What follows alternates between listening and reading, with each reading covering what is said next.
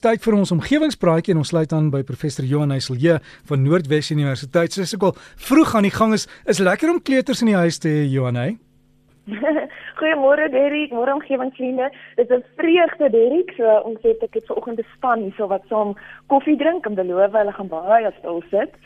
Ehm um, so ons sal sien of die belofte hou. Ja, ek ek sien jy het 'n bietjie navorsing gedoen. Ons het laasweek gepraat oor oor asyn, wit asyn. Is dit goed om die huis skoon te maak? Werk dit werklik? Het jy antwoorde? Derek, so ek het gaan huiswerk doen, nou jy gesê hoe goeie skoonmaakmiddel dit is en bietjie gaan kyk wat sê die wetenskap of waar enige bewyse is van hierdie asyn as 'n skoonmaakmiddel. Ehm um, so sommer net as 'n vertrekpunt, die woord asyn kom van die Franse afkoms wat suurwyn beteken. En kommersieel beskikbare asyn is met water of met 'n vloeistof gemeng om so tussen 4 en 8% van hierdie asynsuur te bevat. En mense kan gaan kyk op die etiket van die bottel. Dit moet hierdie persentasie asynsuur aandui. En dit is dan nou natuurlik hierdie suur in die asyn wat asyne effektiewe skoonmaakmiddel um, maak. Maar die vraag is, is asyn beter as ander skoonmaakmiddels op die rak? En um, alhoewel ons weet dit is goedkoper, word dit ook al duisende jare as 'n algemene ontsmettingsmiddel gebruik. En dan nou die navorsing Derek bevestig vir ons dat dit 'n regtig goeie ontsmettingsmiddel. En die suur in die asyn maak basies bakterieë en die virusse dood deur die chemiese samestelling te verander. Maar wat die wetenskap sê dat as dit nou kom by die skoonmaak, dan is wit asyn nie heeltemal so effektief soos hierdie kommersiële skoonmaakmiddels nie. Byvoorbeeld 'n studie wat gedoen is deur die Universiteit van North Carolina sê um, of hulle bewys dat asyn 'n regte verskeidenheid huishoudelike patogene doodmaak, maar steeds nie soveel soos wat die kommersiële skoonmaakmiddels doodmaak nie. En meer onlangse navorsing van die Albert Einstein College van Geneeskunde het bevind dat asyn byvoorbeeld die bakterieë wat tuberkulose veroorsaak, baie doeltreffend kan doodmaak en dit slegs na na 30 minute se blootstelling aan 'n 6% asyn oplossing.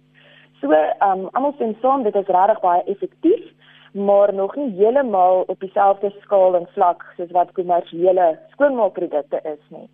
Maar Derek, ek het nou toe ek nou lees in hierdie huiswerk besig om te doen, het ek afgekom um, op 'n professor Pieter Collinen en en die eintlike vraag wat sê moet ons regtig hierdie kommersiële skoonmaakprodukte in ons huis gebruik? Is dit regtig nodig op huishoudelike vlak?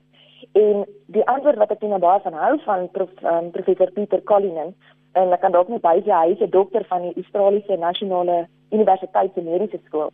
En en hy sê dit nou, die meeste mense is eintlik maar op soek na 'n wondermiddel, nê, wat vinnig en maklik skoonmaak sonder dat ons net te veel hoef te skrob en te skuur. Maar volgens hom is hierdie geskrob en die geskuur is eintlik die eerste en en die belangrike stap om die oppervlakte skoon te kry. So vir huishoudelike doeleindes beteken dit eintlik maar bietjie warm water en bietjie seep wat volgens hom die meeste van die huishoudelike bakterieë kan verwyder. En dan dan die tweede stap as hierdie oppervlakte nou reeds skoon is, dan moet ons onsself afvra, moet ons ook dit dan nou ontsmet? En dis dan nou hier as ons nou die keuse het tussen asyn en kommersiële skoonmaakmiddels. Um sê professor Collinen dat in meeste gevalle het ons nie regtig hierdie kommersiële skoonmaakmiddels in ons huise nodig nie. So ons gebruik te veel chemikalieë waarvan die voordele eintlik maar marginaal is. So te min voordele om al hierdie baie chemikalieë in ons huise te regverdig. So wanneer ons wil ontsmet dan moet ons maar poog om die minste giftige en mees bioafbreekbare produk te gebruik. En gelukkig Derek, ek sien 82% van ons omgewingsvriende het op ons omgewingspraatjies se Facebook bladsy meningspeil aangetoon dat hulle ook reeds wit asyn gebruik as 'n skoonmaakmiddel. En julle kan miskien daar gaan gaan kyk, daar's baie interessante raad en resepte gedeel die week oor asyn as 'n skoonmaakmiddel en en ook as 'n ontsmettingsmiddel. Maar natuurlik Derek, um, ons weet asyn is ook handig vir baie ander gebruike. So ek gaan sommer op die Facebook bladsy ook vir julle van hierdie inligting deel. Dit kom van populêre webwerwe af, maar dit wys hoe asyn byvoorbeeld gebruik kan word as 'n onkruiddoder. So waar mens dan nou eweveel water en asyn meng en dan direk op die onkruid spuit of um, byvoorbeeld asyn wat baie handig is om kougom uit klere of hare uit te kry. So waar mens dan nou die wit asyn se effens verwarm en dan oor hierdie kougom area spoel.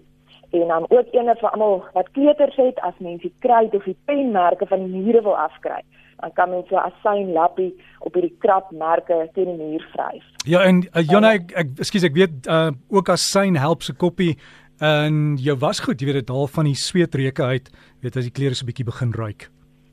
Dit is ook nog 'n ding wat opgekom het op al die webwerwe wat vir die raad deel, Derek, is um, en ook om jou jou apparate te ontsmet. So vir vir dit help vir die klere maar ook vir die ontsmetting van die apparate. En dan een wat ook meer bietjie dalk meer bekend is, is dat asyn verfkwaste weer sagter kan maak. So as mens die die kwaste bloot in hierdie warm asyn laat lê vir so 10 minute en dan afwas met water. En op dieselfde manier word asyn gebruik om silwerware weer mooi te laat blink. So, um, mens gooi 'n halwe koppie wit asyn en twee eetlepels bakpoeier saam en dan laat lê jy die silwerware daar in vir 'n uur of 2. En dan bietjie op 'n op 'n ander kant het ek gesien dat daar so baie mense wat glo aan asyn vir gewigverlies en selfs om jou tande witter te laat maak. Maar um, ek dink voor mens begin eksperimenteer met die inname van asyn, dan dink ek is maar altyd beter om eerder die mediese raad hieroor in te win. So ek wil eintlik sê mens moenie alles glo wat op sosiale media staan nie. Mens moet maar baie kieskeurig lees. So op daardie punt ook dan vandag as groen gedagte wees ook maar kieskeurig oor jou skoonmaakprodukte en die produkte wat jy in en om jou huis gebruik want um, die skoonmaak en die ontsmet binne in die huis is, is een ding maar dit gaan ook oor hierdie middels wat ons op die ou einde in die drein afgooi nadat waarmee ons dan nou skoon gemaak het wat 'n baie groot effek kan hê op ons omgewing en en um, veral op ons omgewingswater. So bevraagteken maar die chemikalieë en of dit werklik nodig is om hierdie tipe chemikalieë te gebruik um, op 'n duidelike vlak.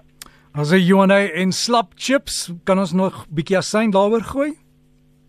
Ek glo so Derek, so ek sê dit is aan die een kant is goed vir gewigverlies, ek dink ons moet die mooi balans hê tussen die slap chips en die asyn, dan kan hy dalk vir ons werk. Jo, daai reuk, dis maar net iets weet jy, jy kan dit nie koop nie. Dis net so lekker maak jy so honger. Nee, dit is dis weer eens ek daar's 'n persentasie wat toelaatbaar is, gewoonlik tussen 4 en 8% asyn suur. Ehm um, so die wat op die rakke is is gewoonlik getoets en is is goed en gesond maar alles binne perke natuurlik. Well, baie dankie vir al die raad en dus dan professor Johan Heiselje van Noordwes Universiteit.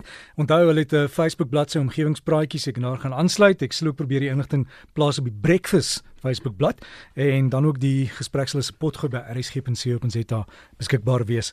Asai, omgewingspraatjie, die e-pos as jy navraai het, jy is welkom. Stuur dit na omgewingspraatjies meervoud omgewingspraatjies by gmail.com omgewingspraatjies by gmail.com